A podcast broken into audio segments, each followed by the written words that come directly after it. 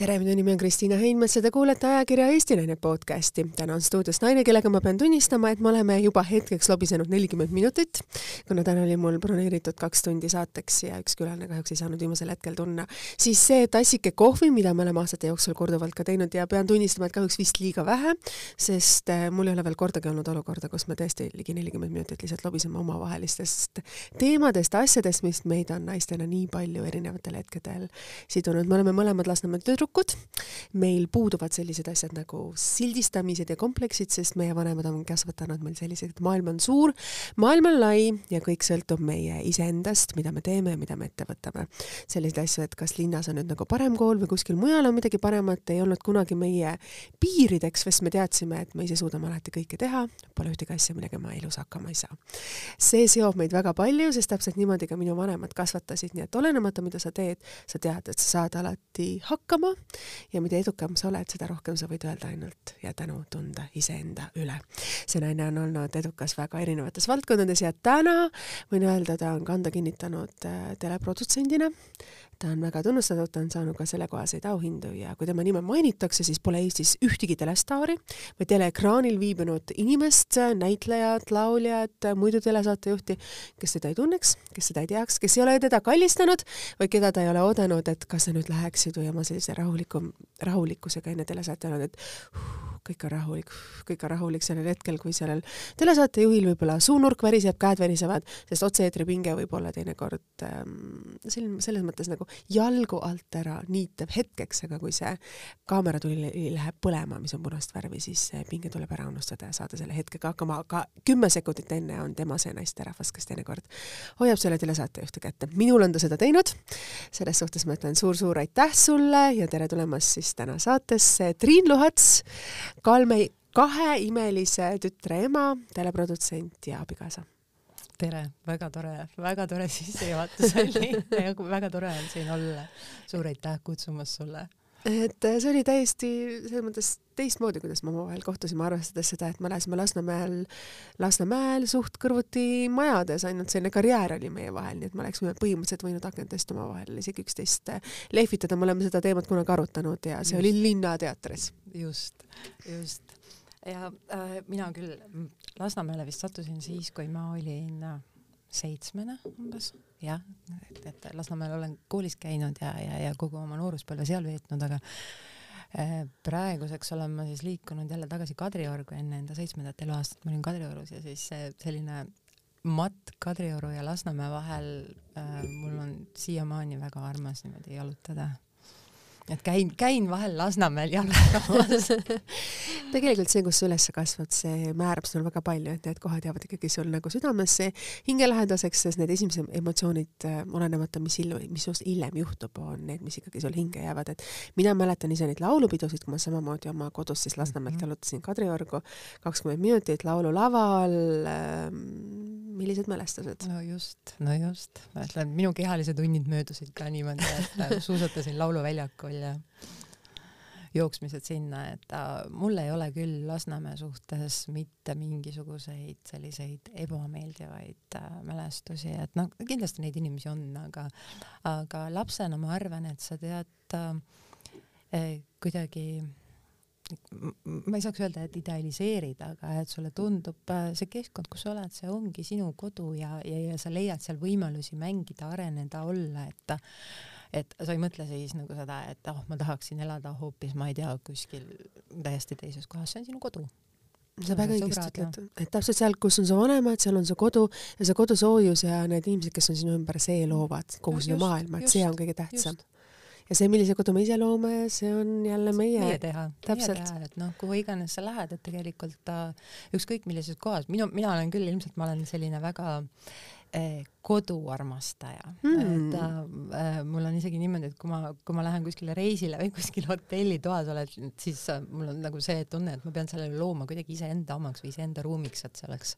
selline kodune ja soe mis on see erisus, mida sa siis alati pead silmas nende kodudes või hotellitubades, kus sa oled siis olnud, et mis on sinulik, et mis on see sinu detail, mis peab seal alati olema? no ma arvan, et siis, kui ma juba sisse lähen, ma tõstan seal mingisuguseid asju enda jaoks ringi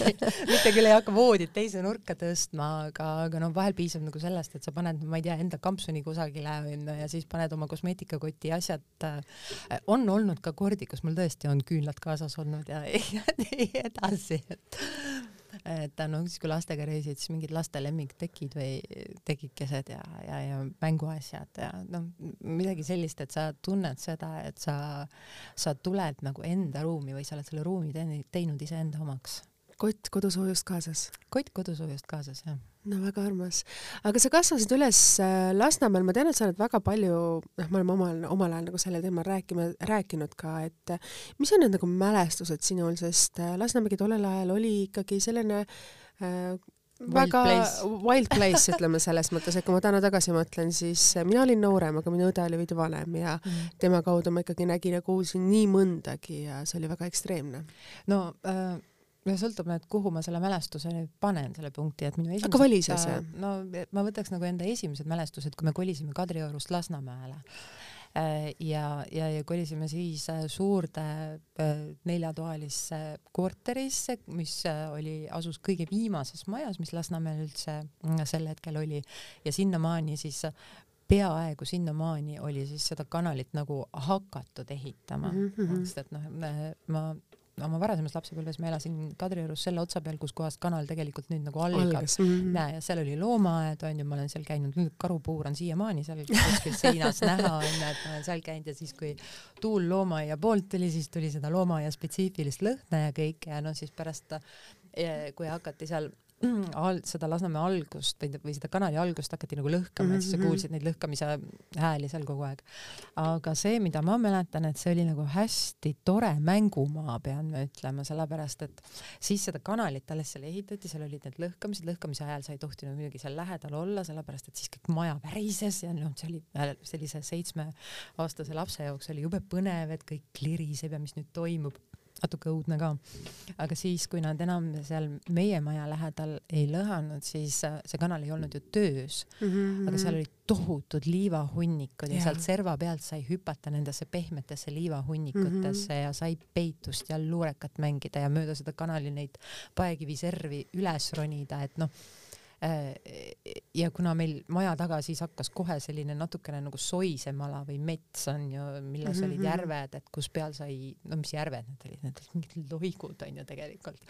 aga mis jäätusid ära ja mille peal sai uisutada ja see noh, noh, kõik tekitas tegelikult äh, tol hetkel selles varases lapsepõlves nagu pigem selle tunde, et sa elad kusagil linnast väljas et noh, muidugi need paneelmajad, paneelmajadeks, aga seal oli hästi palju hulkuvaid kasse oli, kes olid kõik toredad onju äh,. seal äh, elas väga palju selliseid äh, väga erinevaid inimesi koos, onju, et küll oli ukrainlasi, venelasi, eestlasi, onju, et noh, kes olid kõik sinna kokku sattunud äh,. väga palju lapsi oli ka erinevatest äh, trepikodadest äh,, paraadnatest meil koos, kes siis tead, ühe või teise juures käisid umbes lõunat söömas ja noh, ma ütlen, et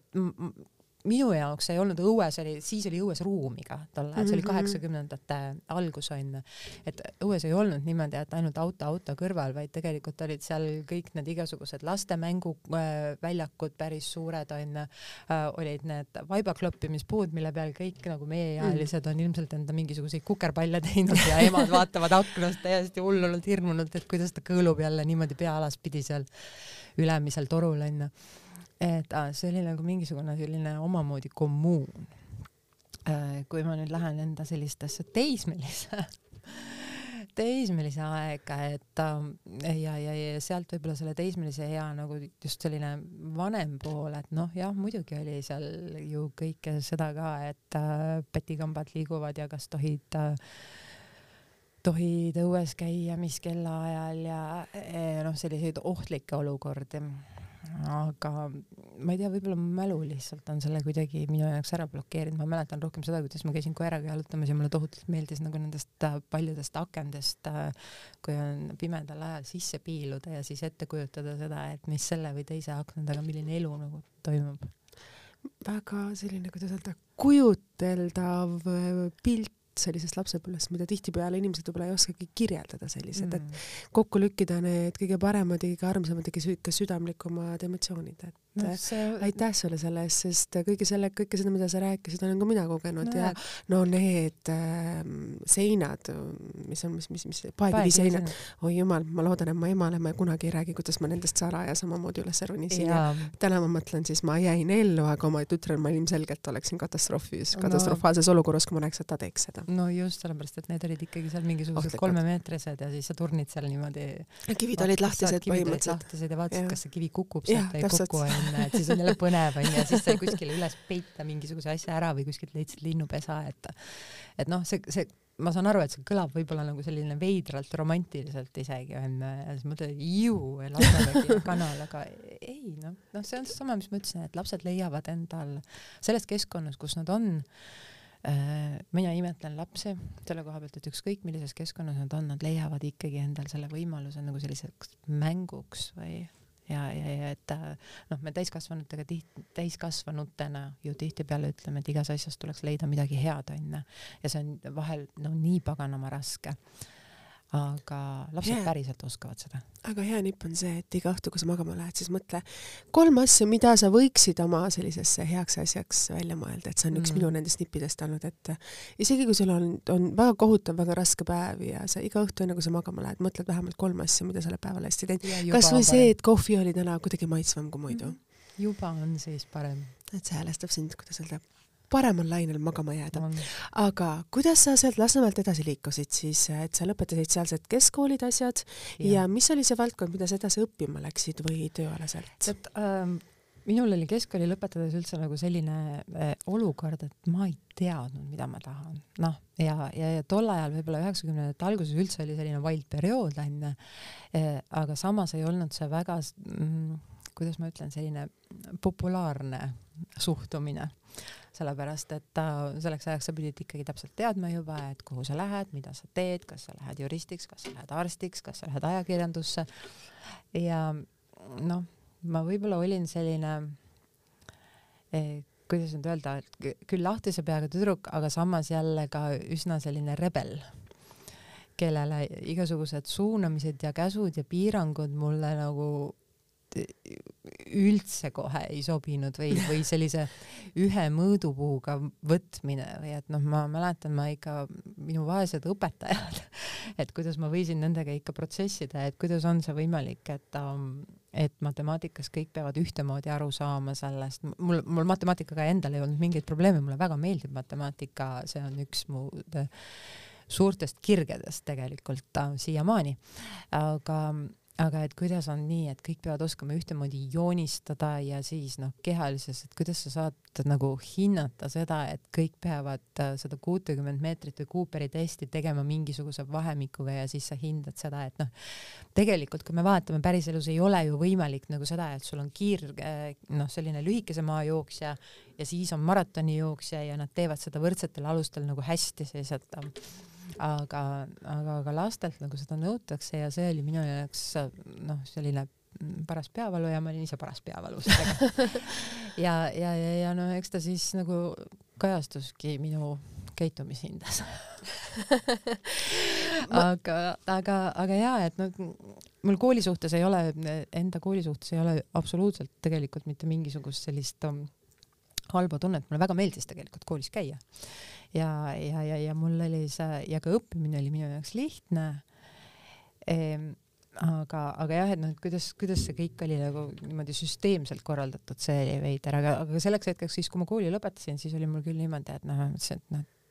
ma pean nüüd mingi valiku tegema, ma käisin teatri- ja muusikaklassis kaksteist aastat mm. -hmm. mis pani nagu kohe äh, kooli lõpuks oli mul selge, et vot näitlejat minust küll ei saa, et, et noh, selle ameti ees mul on väga suur aukartus, see kõik, noh, üks asi on igasuguse teksti omastamine ja kellegi teise eh, esitamine, aga, aga noh, kõik see emotsioonide tulm, mis tuleb seal nüüd läbi elada ja, ja, ja, ja kuidas sa ennast nagu väänad ja pöörad üldse, et äh, hea näitleja olla. näed, see on tohutu töö tohutu töö ja kuidas selles kõiges nagu ellu jääda ja et sa siis suudad veel ise noh, iseendaks jääda ja ise olla ja, ja, ja noh, selle lavalt maha tulemise stressiga ei tuleks mina ka, ma arvan, kuidagi toime ja, ja, minus puudub ka, eh, must puudub nagu täielikult see selline esinemiskeel tegelikult, et ma tunnen ennast väga ebamugavalt äh, avalikult esinedes noh, ma pean tunnistama, et mul ei ole seda nagu sellist enesekindlust ja, ja, ja tahet ja oskust, et see tuleb minu jaoks väga suurte raskustega iga kord. teades ja tundes sind aastaid ja teades ja tundes, palju sa oled telesaatega seotud olnud, siis see tuleb küll väga suure üllatusena. no ei, ma, eks ma vaikselt olen seda kusagilt niimoodi vahel öelnud ka, aga et noh, töö on selline ja, ja, ja me kõik tegeleme vaata igapäevaselt eneseületamistega, et eks see on ilmselt minu mingisugune selline karmaatiline karmaatiline käik või kulg, mida ma pean siis läbima. aga jaa, et noh, sealt selge oli see, et ma teadsin, et ma lavakasse minna ei taha. Äh, mu vanemad on äh, või olid mõlemad ajakirjanikud, juuraharindusega ajakirjanikud, et noh, siis äh, loogiline jätk oleks olnud seal minna kas ajakirjandust õppima või siis juurasse onju. ja, ja, ja tegelikult noh, ma alustasingi niimoodi, et äh, et ma alustasin oma sellist kooliteed äh, Concordia ülikoolist, mis oli just sel hetkel alustanud, aga kuna mul oli väga suur kirg oligi matemaatika vastu, siis äh, minuga juhtus äh, nagu selline, selline lõbus seik ka, et mu üks klassivend ütles, et kuule, ma lähen sinna TTÜ-sse, lähen praegu nendele katsetele onju, et ei taha üksi minna, tuled ka muga. No selline klassikaline, et üks läks onju lavakakatsetele ja siis sai sisse, no me saime tegelikult mõlemad sisse sinna informaatikasse, aga siis ma unustasin selle vahepeal isegi täitsa ära, et ma sinna sisse olin või mitte, et ma katsetel olin käinud, aga siis kuskil kolmekümnendal äh, augustil või natuke enne helistati mulle koju sealt ja küsiti, et kuulge, kas te ikka aktusele tulete, et te saite üldse kõige paremini sisse wow. ja siis ma ütlesin, et teate, ma aktusele tulen, aga ma tahan ainult kõrgema matemaatika loengutes käia, et ma muud ei taha. ja siis ma käisin TTÜ-s kaks aastat niimoodi, et matemaatilist analüüsi ja lineaaralgebrat ja kõrgema matemaatika loenguid võtsin. kas sa ei kahetse täna selles mõttes, et IT-valdkond ja kogu selle programmeerimine on ju mõnes mõttes ka matemaatiline hea alus on nagu selleks oluline, et kui sa oleks võib-olla täna selle hariduse saanud, oleksid sa võib-olla ka unicorn'i omaja? ei kahetse. Äh, ja noh, see on mulle tegelikult ei meeldi selline mõtlemine, et uh, what if ja oleks-poleks, et uh, sel hetkel uh, oli mul seda vaja. mulle tõesti meeldis, ma käisin nagu kaks-kolm korda nädalas, sõitsin sinna taha TTÜ-sse ja need loengud ja need olid nagu kõik noh, ma olen, ma olen varem seda öelnud ka, et vaata, mõni inimene teeb endale nagu selleks mahalaadimiseks või selliseks puhastumiseks või, või selguse saamiseks teeb joogat onju, mõni käib jooksmas onju, mõni maalib onju. mulle joonistada ka väga meeldib, et mul on noh, joonistamisega on ikka olnud eluaeg väga väga toredasti. aga, aga, aga minu jaoks noh, siiamaani on nagu see, et äh, see, mis mind tõesti täitsa maha läheb, on see, et ma võtan kõrgema matemaatika ülesannete kogu ette ja hakkan neid lahendama, sellepärast et siis ei ole tõesti peas mitte midagi muud võimalik teha, et noh, sa pead täielikult süvenema sellesse. nii et see on selline salahobi, millest, millest vist väga vähesed teavad? no ma ei ole seda otseselt varjanud ka, aga see on selline noh, see on selline päris minu hobi noh, ta, et noh, teine asi, millega ma tegelen hea meelega, mis on ka nagu natukene nagu matemaatiliselt võib-olla selgitatav, aga samas ka selle joonistamisega seoses on kalligraafia? On ja kalligraafiaga suudavad inimesed nagu rohkem suhestuda võib-olla see on ka selline naiselikum selles mõttes, et selline kõrgem matemaatika on üldjuhul selline mehelikum, vähemalt peetakse seda selliseks, aga ma pean tunnistama, et mul oli endal täpselt samamoodi, et ma käisin Tehn-, Tehnikaülikoolis ettevalmistuses, aga ma otsustasin siiski EBS-i kasuks mm -hmm. ja tollel hetkel olid õpetajad ka väga nördinud, et ma ei läinud Tehnikaülikooli mm, -hmm. sest mhm. matemaatika oli ka minu lemmikala ja no, see on samas veel üks asi, mis sama, sama valdkond, mis mulle väga meeldis ja milles ma olin ka ise nagu tugev mm, -hmm. aga kuidagi mingil hetkel ma mõistsin, et võib-olla see raamatupidamine ja need tehnilised alad ei ole ole minu ala, nii et samamoodi ma Mhm. lõpetasin siis Concordia selles meediavaldkonnas ja täna me oleme mõlemad teleprodutsendid mõnes me mõttes ja ja noh, täpselt samamoodi, et jah. tees- teekond läbi tehtud, aga sa töötasid ka mingil hetkel ju reisifirmas, sest äh, mingil hetkel me rääkisime sellest teemas, et no vot, ma tulen tagasi natukene, kuidas ma üldse meediasse sattusin, et siis äh, sel samal üheksakümnendate alguses, siis kui ma lõpetasin enda keskkooli mm -hmm. ja läksin siis äh, ühte ja teise ülikooli, et ähm, katsetama, mida edasi siis? Võib ju nii öelda selles mõttes, jah, et katsetama seda, mida edasi, et noh, praegusel ajal ju väga palju öeldakse, et võta vaba aasta Absoluutselt. aga sel ajal lihtsalt oli nagu niimoodi, et ei olnud seda. Ja äh, kuna noh, mul on kogu aeg meeldinud nagu mitut asja koos korraga teha ja, ja, ja selline ikkagi sõltumatu olla, siis ma otsisin kohta, kus äh, oleks võimalik tööd teha ka kõige selle kõrvalt onju ja sel ajal olid just eratelekanalid nüüd siis alustanud ja, ja, ja mina läksin EVTV-sse lihtsalt nagu proovima. Äh, ja noh, see oli ka selline väga äh, huvitav kogemus, kuidas ma sinna üldse nagu sattusin, et äh, ma pidingi minema lihtsalt alguses vestlusele ja ja, ja, ja vaatama, et kas üldse nagu midagi klapib, sellepärast et noh, teatriklassi lapsena oli mul see, et ähm, et diktsioon oli selge, kõne oli korralik ja kohusetunne oli olemas Äh, ja ja, ja samal siis... päeval, kui ma läksin, siis äh, kuidagi juhtus niimoodi, seal oli nagu juhuste rada täiesti, juhtus nii, et äh, sel samal õhtul kohe pandi mind eetrisse välisuudiseid lugema, kuigi ma olin lihtsalt kohtumisele läinud. ja see juhtus kuidagi noh, niimoodi hopsti. ja niimoodi ma siis sinna jäingi, aga noh, see eratelekanalid, kui nad alustasid, siis tuli seal absoluutselt kõike teha, nii et noh, põhimõtteliselt ma olen teinud kõike, pesnud stuudio põrandat, teinud välisuudiseid, lugenud eetris uudiseid onju hoidnud kaamerat õla peal, no mida iganes, olnud äh, toimetaja, grimeerija, tõlk äh, ja nii edasi ja nii edasi, aga siis noh, me ühel hetkel jaa, läksime S-Travelisse tööle äh, reisikonsultandiks. Ja siis tuli selles... miks see valik, et kui televisioon on see, mis sul kuidagi oli hingelähedane, see oli ka mõnes ei, mõttes noh, see ei olnud nagu niimoodi, et ma oleks tundnud, need kahekümnendad aastad, ütleme niimoodi, minu elust olid lihtsalt, olidki sellised, vaata ma täiesti aktsepteerin seda, et mõned inimesed äh, leiavadki ennast hiljem. Äh, kas hiljem või leiavad siis mitu korda enda elu jooksul, see on täiesti okei. Okay.. ei ole niimoodi, et sa pead valima ära nagu kohe alguses, no mõnel on see kutsumus yeah. hästi varakult ja see on ka okei okay,, et me mm -hmm. peaksimegi tegelikult rohkem nagu aktsepteerima, et me oleme inimestena erinevad. muutuvad. ja, ja muutuvad, erinevad ja muutuvad onju. ja, ja, ja noh, minu need kahekümnendad olidki väga sellised um... tormilised, nagu ma saan aru jah, just,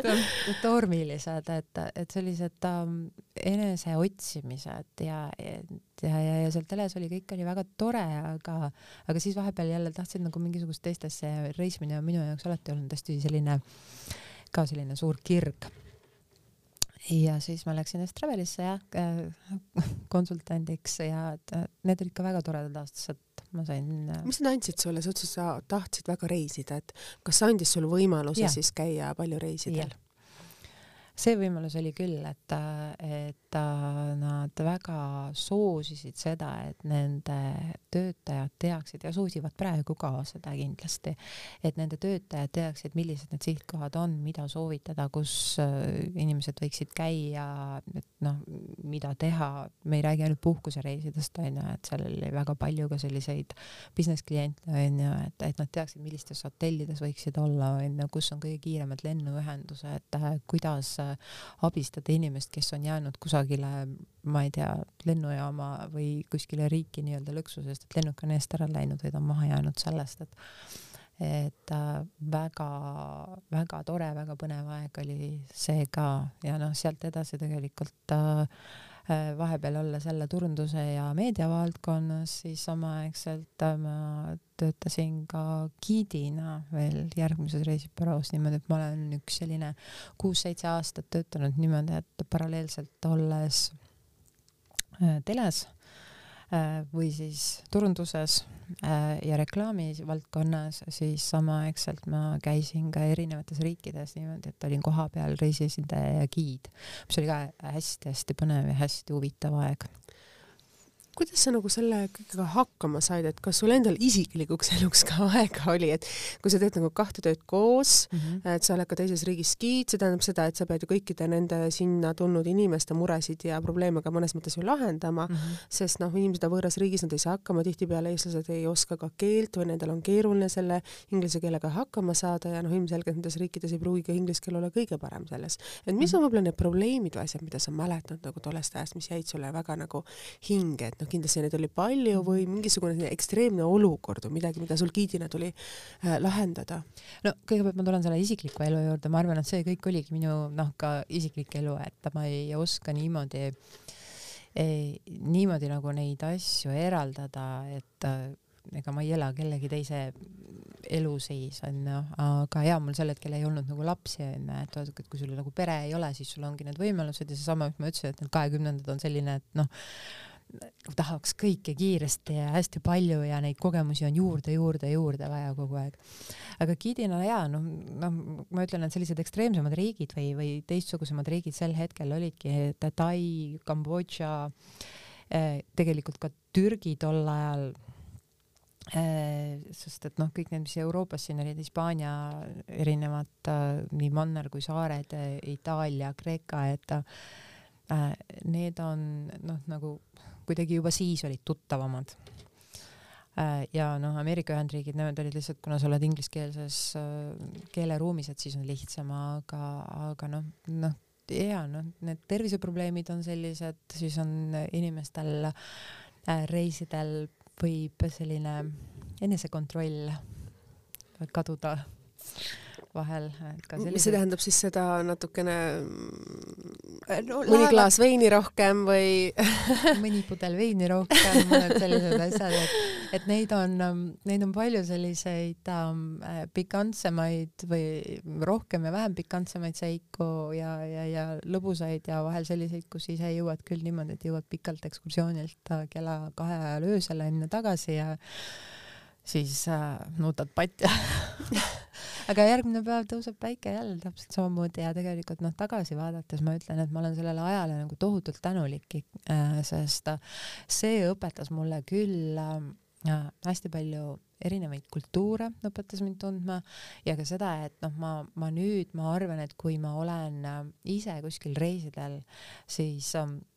ma vaatan nagu kuidagi hoopis teise pilguga neid kohti, et mulle meeldib nagu reisida, just reisida nii, et ma kujutan endale ette seda, et kui ma nüüd, mitte et ma pean kõik need need sellised vaatamisväärsused kiiresti läbi käima, aga mulle meeldib selline slow äh, traveling on ju, et või... Äh, et sa elad sinna keskkonda sisse sellesse ja. riiki sisse ja pigem proovid kohaliku vaatenurga alt vaadata seda riiki? proovin lihtsalt seal olla jah, kuidagi niimoodi, et loomulikult mulle meeldib või käin ka nendel turismiobjektidel, aga, aga ma väga naudin nagu selliseid asju, et kui sa saadki minna kusagile, ma ei tea, see ei pea olema tingimata suurlinn, see ei pea olema väike külake, aga noh, see on mingi koht, kus sa lihtsalt võid minna ja tead, süüa rahulikult kusagil hommikust või juua klaasike veini või, või siis noh, ma ei tea, kuskilt teed ja sa loed lihtsalt mingit raamatut või teed sealsamas mingisuguseid muid tööasju või et, et noh, äh, ütleme, et see igapäevane elu, mis sul on muidu siin Eestis ka, et sa natukene nagu implementeerid selle sinna mm. -hmm onju, lihtsalt sul see keskkond muutub ja siis sa vaatad, kuidas seal keskkonnas äh, need asjad elu, jooksevad. Need asjad, sinu elu jookseb ja, ja, ja õnneks vaata praegu nagu, kui me jätame praegu nagu selle Covidi ja sõjaolukorra välja, siis tegelikult ta äh, elu ja maailm nagu hästi soosis seda ka, sellist. kui me mõtleme tegelikult, siis täna on ju, tegelikult oli Covid väga hea, sest ta muutis inimeste arusaama tööst töö tegemisest. Ja mhm. selline asi nagu see home office, millest ka sina täna ju praegu siin rääkisid, et see on täna võimalik, et ei ole enam vahet, kas sa oled siin põhimõtteliselt Tallinnas, New Yorgis või Tokyos, kui sul on selline kaugtöö võimalus, siis sa saad seda igal pool teha ja ka reisides. no absoluutselt, mina tegelikult äh, nüüd tulen selle juurde tagasi, mis sa mm, mis kogemus mul juba enne Covidit oli, et äh, ma olen praegu teinud seda teleprodutsendi tööd nüüd viimased äh, selline kaksteist aastat onju mm -hmm äh, niimoodi tõsisemalt, kus ma mingis muus valdkonnas võib-olla nii tugevalt ei ole kusagile panustanud, onju.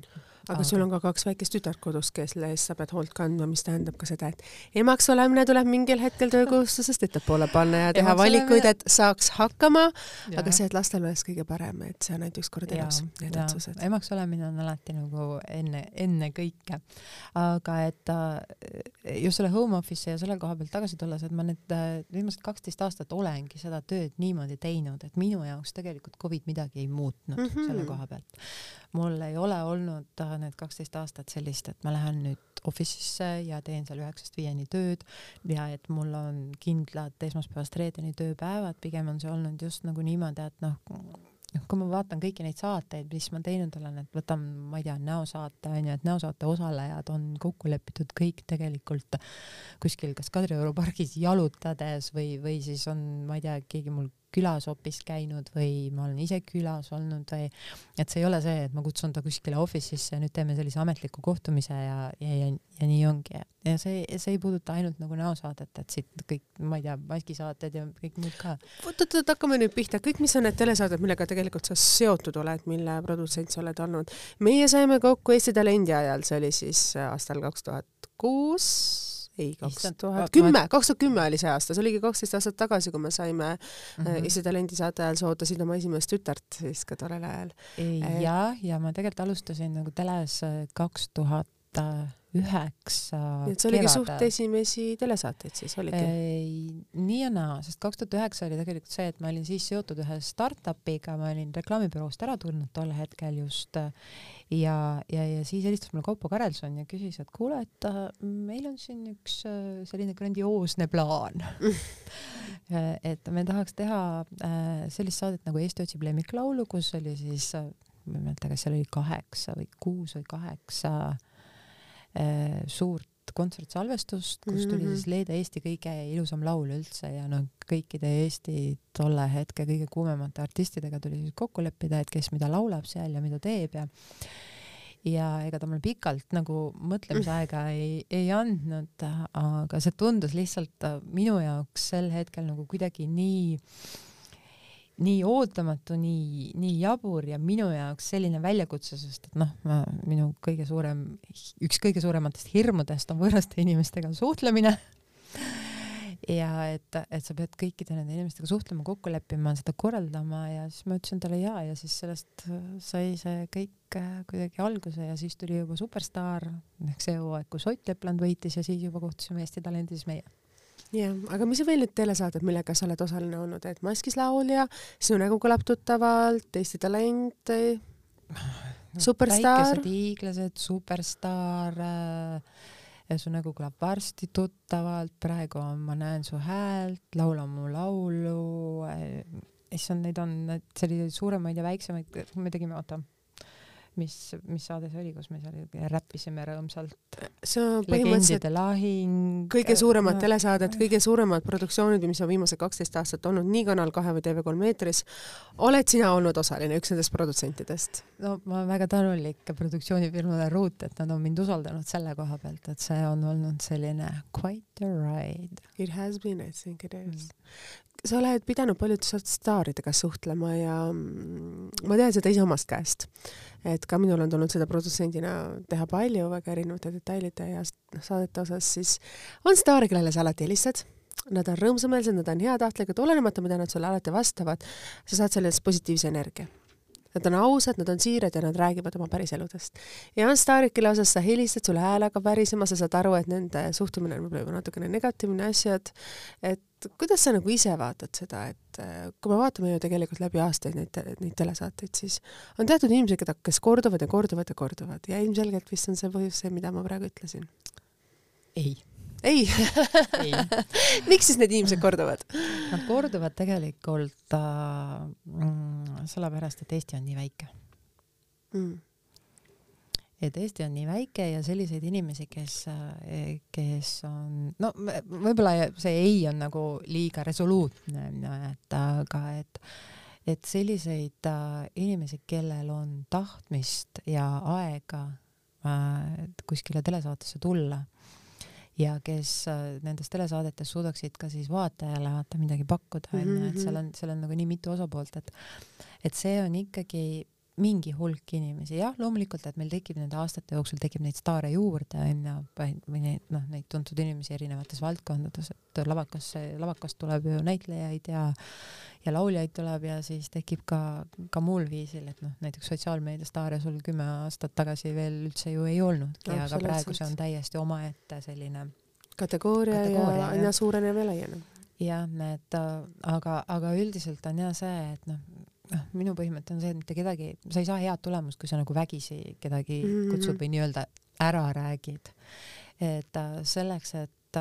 et sellest ikkagi head asja tuleks, selleks peab see inimene ise ka tahtma seda, et noh, loomulikult on mingisugused saated, kus sul peavad olema mingid eeldused, et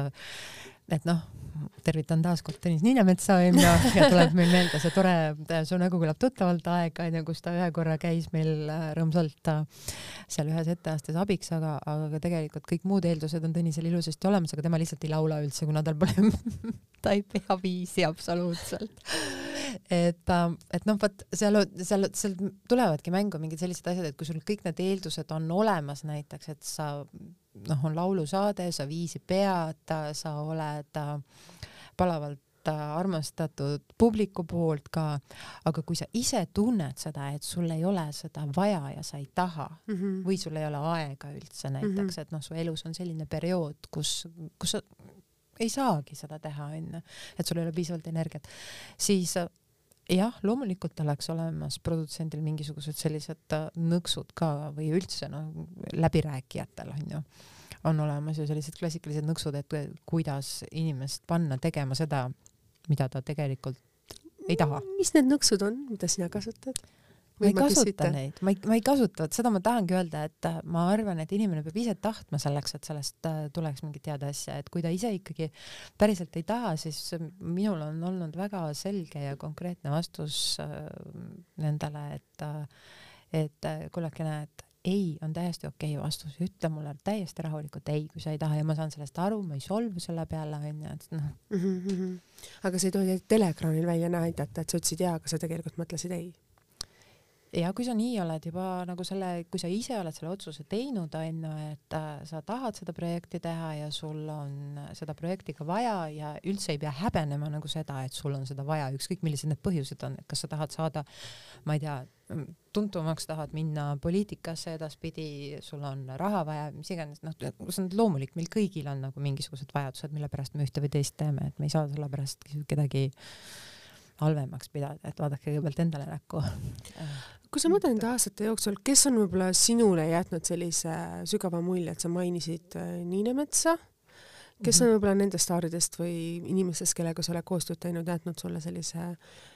kas südamliku või siis sellise nagu erilise tunde, kui sa nende peale nagu mõtled, sest neid hetki kaheteist aasta jooksul mm -hmm. on olnud kindlasti väga palju. tead ähm,, kuna need projektid, mis ma teinud olen, on hästi, kuidas ma ütlen, sarnased ja erinevad. sarnased ja erinevad, aga samas see kokkupuude nende inimestega seal on ikkagi nii, et ta ei ole mitte selline põgus, vaid ta on noh, mingisugune periood hästi intensiivne mm -hmm, yeah. ja, ja, ja ka üsna isiklik. jah e,. siis, sest et noh, need inimesed, kes nendesse projektidesse tulevad, nad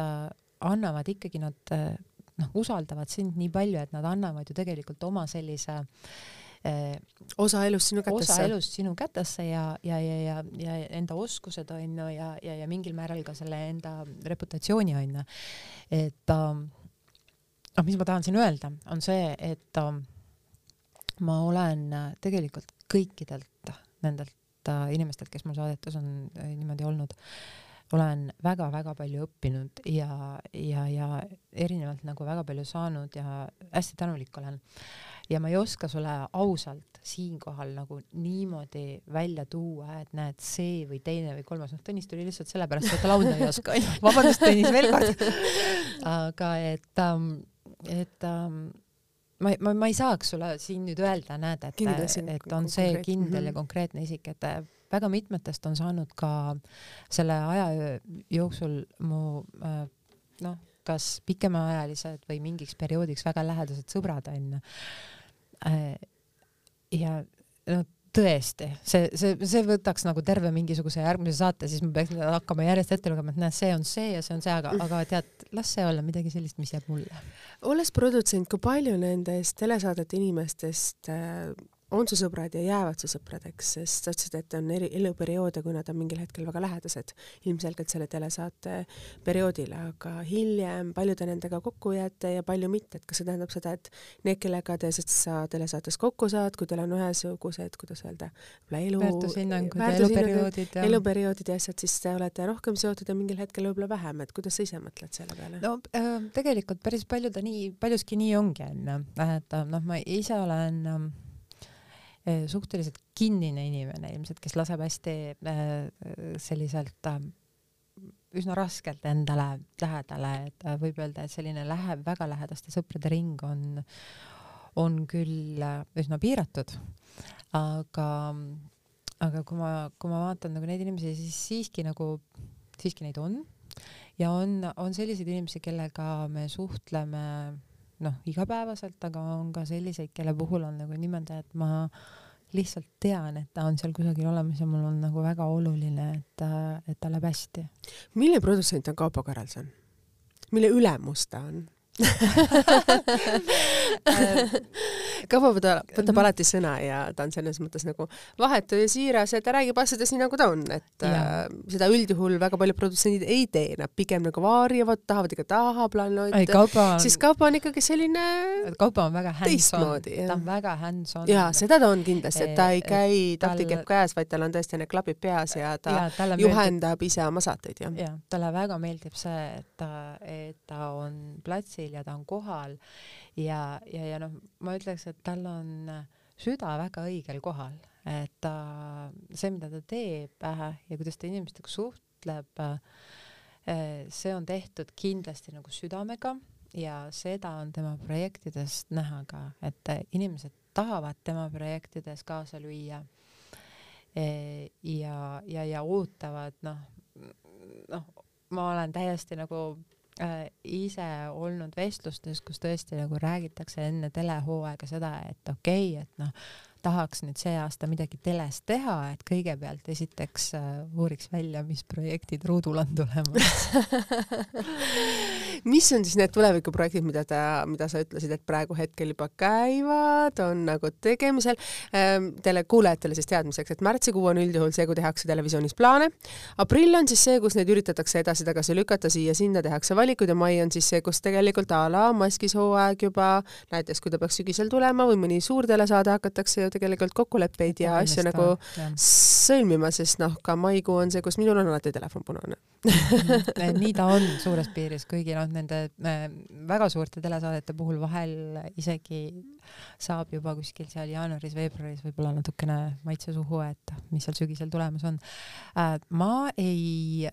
saa praegu ühegi projekti kohta mitte midagi öelda, sellepärast et noh, räägime siis, kui nii-öelda karu lastud on, onju, seda esiteks. maikuus saame teada äh, teiseks on see, et, et äh, produktsioonifirma esindajana ei ole minul kindlasti õigus nagu neid asju avalikustada, et et need projektid tulevad kõik siis avalikuks telekanalite endi poolt, aga,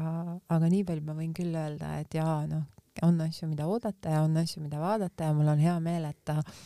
et äh, sellist äh, kvaliteetset meelelahutust äh, on endiselt vaja ja seda hinnatakse, et noh, seda ma praegu vaatan nii maskisaate kui siis ma näen su häält saate pealt ja ja, ja, ja noh, mis on eriti tore, et sel kevadel ju tuleb nüüd jälle ja jälle Laula mu laulu, mis oli tükk aega sellisel väiksel pausil, ta tuleb küll Telia kanali peale esmalt, aga tasub sealt vaadata, et seal on seekord jälle väga huvitav ja põnev selline seltskond kokku sattunud, kes oh. hakkavad siis neid laule tegema. see on päris huvitav, et nüüd, et me Telia kanalil hakkavad ka sellisemad suuremad produktsioonid, praegu ta on olnud ja. selline tasakaal, ütleme väiksem, et on ikkagi olnud kas Kanal kaks või TV3 ju need noh jah, või ETV on ju, mis näitab, aga, aga väga mõnusad ja jõuliselt tulevad praegu Telia ja Elisa. erinevad platvormid on ju need ja et oma kui, toodangut. kui me räägime ütleme sellest nüüd kevadest ja sügistest ja asjadest, siis äh, mis on nagu sinu jaoks nagu emana hästi oluline oma laste kasvatuses, et sa oled rääkinud, kui rebel sa mõnes mõttes olid, kuidas sa armastad matemaatikat ja mis on võib-olla need väärtused, mida sa tahad ise emana nüüd oma lastele edasi anda ja nendesse teemadesse, et et nüüd, kus meil on koroonaperiood jälle läbi ja lapsed saavad mm. käia oma treeningutes ja nad saavad ka jälle normaalselt koolis ja sa näed, kuidas su lapsed hakkavad taas elama, noh, mida, mida mina näen nagu kõrvalt, et ennem mm. see pidev hirm ja see, kuidas öelda, selline, kuidas nagu ma saan hakkama või kuidas sa emana ennast toetad ja kas nüüd homme saab minna laps kooli või, et see on nagu mõnes mõttes ületatud, noh, kuigi maailmas on need olukorrad nagu veel keerulisemaks mõnes mm -hmm. mõttes läinud, aga laste seisukohast, kus sa proovid neid hoida ikkagi selle vati sees ja nende päevarutiini ta-, tagada ja et need oleksid ikkagi selline nagu ilusad mälestused lapsepõlvest, et need Ukraina uudised küll oleks osa nende elust, et nad teaksid sellest, aga mm -hmm. võib-olla seda kõige suuremat õudust, et seda neile mitte nagu näidata mm. -hmm. no äh, mul on nagu laste äh,, laste kasvatamisel võib-olla üks selline põhimõte, et äh, et äh, armastust ei ole kunagi liiga palju. Mm.. Ja seda ei saa seda ei tohiks nagu segamini ajada sellise ärahellitamisega, et see ei ole üks ja sama asi. Ma arvan, et äh, mitte kunagi ei ole liiga palju see, et lapsele öelda seda, et sa armastad teda ja ka näidata sellega, et sa tõesti lapsega koos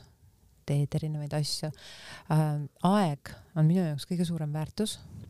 kõige suurem üldse, sealt edasi tuleb tervis, pere ja nii edasi, onju. ja, ja, ja see on see, mida sa saad Äh, päriselt anda enda lastele, et siin noh, tänapäeval räägitakse hästi palju sellisest kohalolust onju mm. -hmm. me tegelikult võiksime kõik mõelda, kui palju me päriselt oleme enda kallite inimeste jaoks päriselt kohal. võtame kasvõi lapsed, et kui palju sa tegelikult enda lapsele äh, otsest tähelepanu pühendad niimoodi, et ei ole teise käega võib-olla telefonis või, või ei tee süüa või et äh, sa päriselt tead seda mis talle meeldib ja päriselt kuulad teda mõttega äh, ja, ja, ja oled valmis talle nagu selgitama asju äh,. noh, lapsed erinevas vanuses, nad küsivad asju nagu, nad huvituvad tihtipeale küll sarnastest asjadest, aga nad esitavad erineval moel neid küsimusi, sest et noh, näiteks a la mul on kodus nelja-aastane ja üheteistaastane, et nad ei, nad, nad, nad küsivad sama asja kohta, aga erinevalt ja sa, sina pead nagu, sina pead nagu nende sellele tasemele minema ja vastu selgitama, onju. et um, aga just see armastuse ja aja eh,, aja andmise küsimus on ja, ja, ja, ja noh, ka ka see nende uudishimu äh, ja liikumise alal hoidmine, et äh, ma, ma ise mäletan seda, et ma olin hästi uudishimulik laps, mind nagu huvitas, huvitasid erineva nurga alt, miks, noh, minu küsimus oli kogu aeg, miks onju, et mik, miks need asjad niimoodi on. ja ma näen seda, et tegelikult mu enda lapsed on ka niimoodi, et neid huvitavad ja, ja just, et noh, jällegi sa leiaksid selle aja, et rääkida, miks ja vahel on niimoodi, et päriselt mina enda lastega rääkides avastan ka ise täiesti uue vaatenurga, miks üks või teine asi niimoodi on, et ka niimoodi võib seda asja vaadata, onju. et see uudishimu ja siis teine asi, mis on minu jaoks hästi-hästi oluline ja ma arvan, et noh, me võiksime ja peaksime rohkem nagu lastega selle koha pealt tegelema, on see mm, liikumise küsimus, sellepärast et et ma leian seda, et liikumine on inimese täiesti nagu loomulik vajadus. Ja noh, paratamatult see, mismoodi me ühiskonnas nagu toimime, me oleme selle liikumise pannud juba lukku sellega, et me paneme näiteks lapsed koolipingis istuma, ma ei tea, kaheksa tundi on ju, okei okay,, vahetunnid on seal vahepeal ja nii edasi, aga see ei ole nende loomulik olek, nad tahavad liikuda. Ja, ja, ja selleks liikumiseks ei pea olema tingimata ainult nagu sport onju, et noh, kõlab vastuoluliselt natukene, ma tean, onju, aga aga noh, igasugune selline ühine, ühine tegevus on see. sa käid lastega hästi palju jalutamas, te viibite hästi palju looduses just Saaremaal ja,. jah mitte ainult Saaremaal, aga, aga üldse, et noh, ka see, ka see, ka see on oluline äh,, väga oluline, et äh, nendes tekiks see taju sellest, et nad, et me eksisteerime ikkagi nagu koos ja kooskõlas mm -hmm. loodusega on ju, et see empaatia, hoolivus, kuidas mingisugused asjad üldse tekivad äh,, kuidas neid hoida äh,, vastutuse küsimus ka seesama, et kui sa oled, võtame sealt väiksest printsist onju, et äh, kui sa nagu taltsutad, siis sa pead äh, siis sul tekib ka vastutus ja siis sa pead teda hoidma, et äh, noh, noh, kõik need asjad pluss noh, seesama, tulen jälle selle armastuse teema vast- juurde onju, et et me, me tihtipeale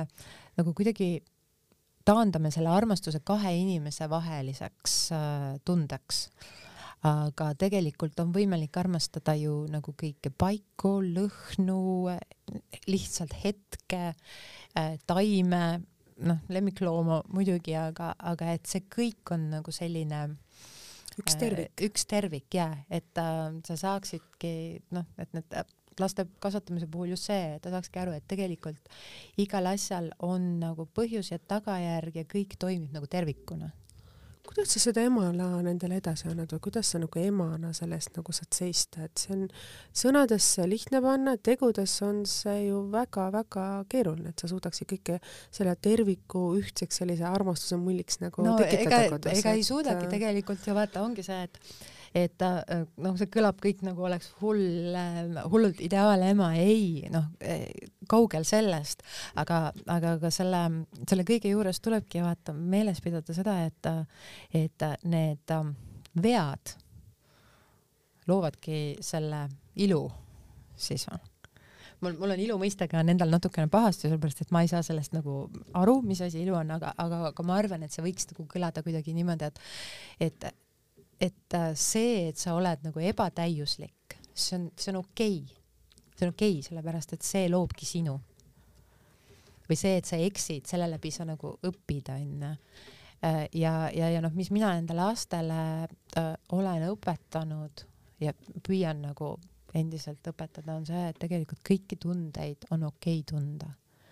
et see ei ole, see ei ole niimoodi, et kui sa oled vihane, et siis sa pead selle endast kuidagi nagu alla suruma, vaid see ongi pr proovi, koge nüüd, ma saan aru sellest, et sa oled praegu vihane ja sa tunned ennast sellisena või kui sa oled kurb, sest et noh, kujuta ette, kui laps läheb sinu juurest ära ja tal nagu kogu aeg on alla surutud, et sa ei tohi vihastada, sa ei tohi nutta või sa ei tohi naerda. ja siis ühel hetkel on ta üksi ja temale see tunne tekib ja see on midagi täiesti uut, täiesti võõrastavat onju, siis äh, sellega kaasneb koheselt hirm. sest ta ei ole seda mitte kunagi varem tohtinud kogeda või ei ole tundnud, et noh, selleks, et seda hirmutunnet nagu vähendada, sest hirm ei ole, hirmu võib ka tunda ja kui sa saad aru, et sa seda hirmu tunned onju,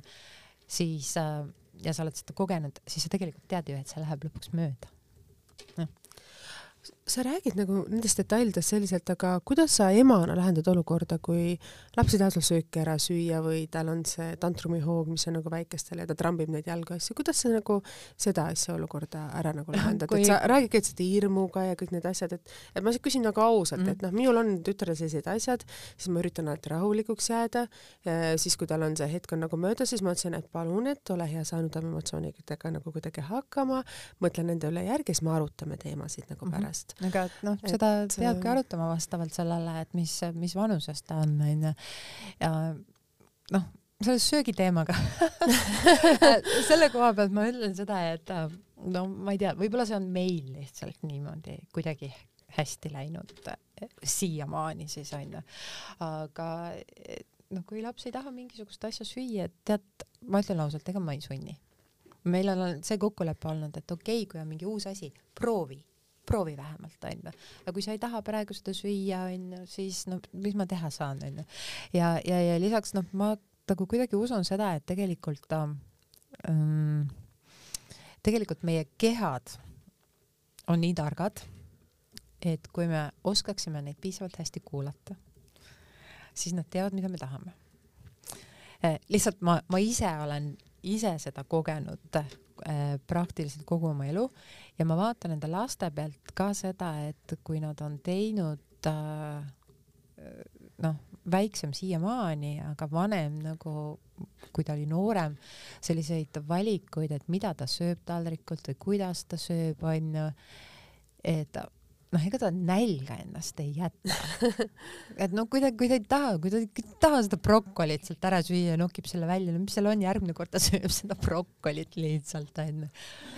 aga noh, me, me ise tegelikult rikume hästi palju sellise tunnetuse ära, onju, et äh, ega need igasugused kommid ja krõpsud ja äh, viinerid ja kõik muu see, see noh, ühest küljest see ei ole hea, see ei ole hea ja äh, teisest küljest on see lihtsalt paratamatult meil kuidagi elu osa, aga noh, ma toon lihtsalt näite enda vanema lapse puhul. me täiesti teadlikult äh, ei öelnud talle, et äh, noh, me, me, me ei keelanud üllatusmunasid avada mm, -hmm. aga me ei öelnud talle, et see ümbrisk kõlbab süüa. ta avastas selle, ma arvan, seitsmeaastane sinnamaani oli oluline ainult see, mis seal sees on, et see ülejäänud, mis ümber oli, see visati kõik minema. Et, et noh, kuidagi, kuidagi niimoodi ma ütlen, et pääsesime sellest, aga nelja-aastane kindlasti juba teab, mida see ümbris tähendab. Jaa, aga noh, ma pean ütlema, et meil kodus on niimoodi, et meil võivad olla kommid laua peal kuid. Nad ei taha neid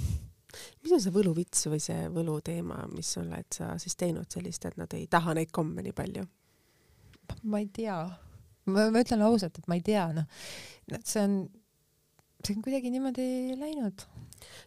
ma olen ise mõistnud seda, et kui sa otseselt lapsele ei keela midagi, aga see sa kindlasti. nagu juhendad nende, kuidas öelda, valikuid nagu lapsepõlves, siis nad ikkagi, noh, minul on ka samamoodi, kui mul on laual komm, porgandiõun, siis see porgandiõun on otsas ja kui need on otsas, siis lähevad alles need kommid nagu käiku mm -hmm. selles mõttes näksidena. et äh, see, mis valikuid sa tegelikult emana teed, et see ju, see, et sa tükeldad iga päev porgandit, see võtab sult aja. et kas sa võtad selle endale tähtsaks, et sa hoolitsed selle eest või sa lihtsalt viskad talle selle krõpsu ja kommi lauale ja ta harjubki nagu sul sellega. ma arvan, et see on, pigem... see on nagu eeskuju küsimus ka, et mida sa ise, milliseid valikuid sa teed, onju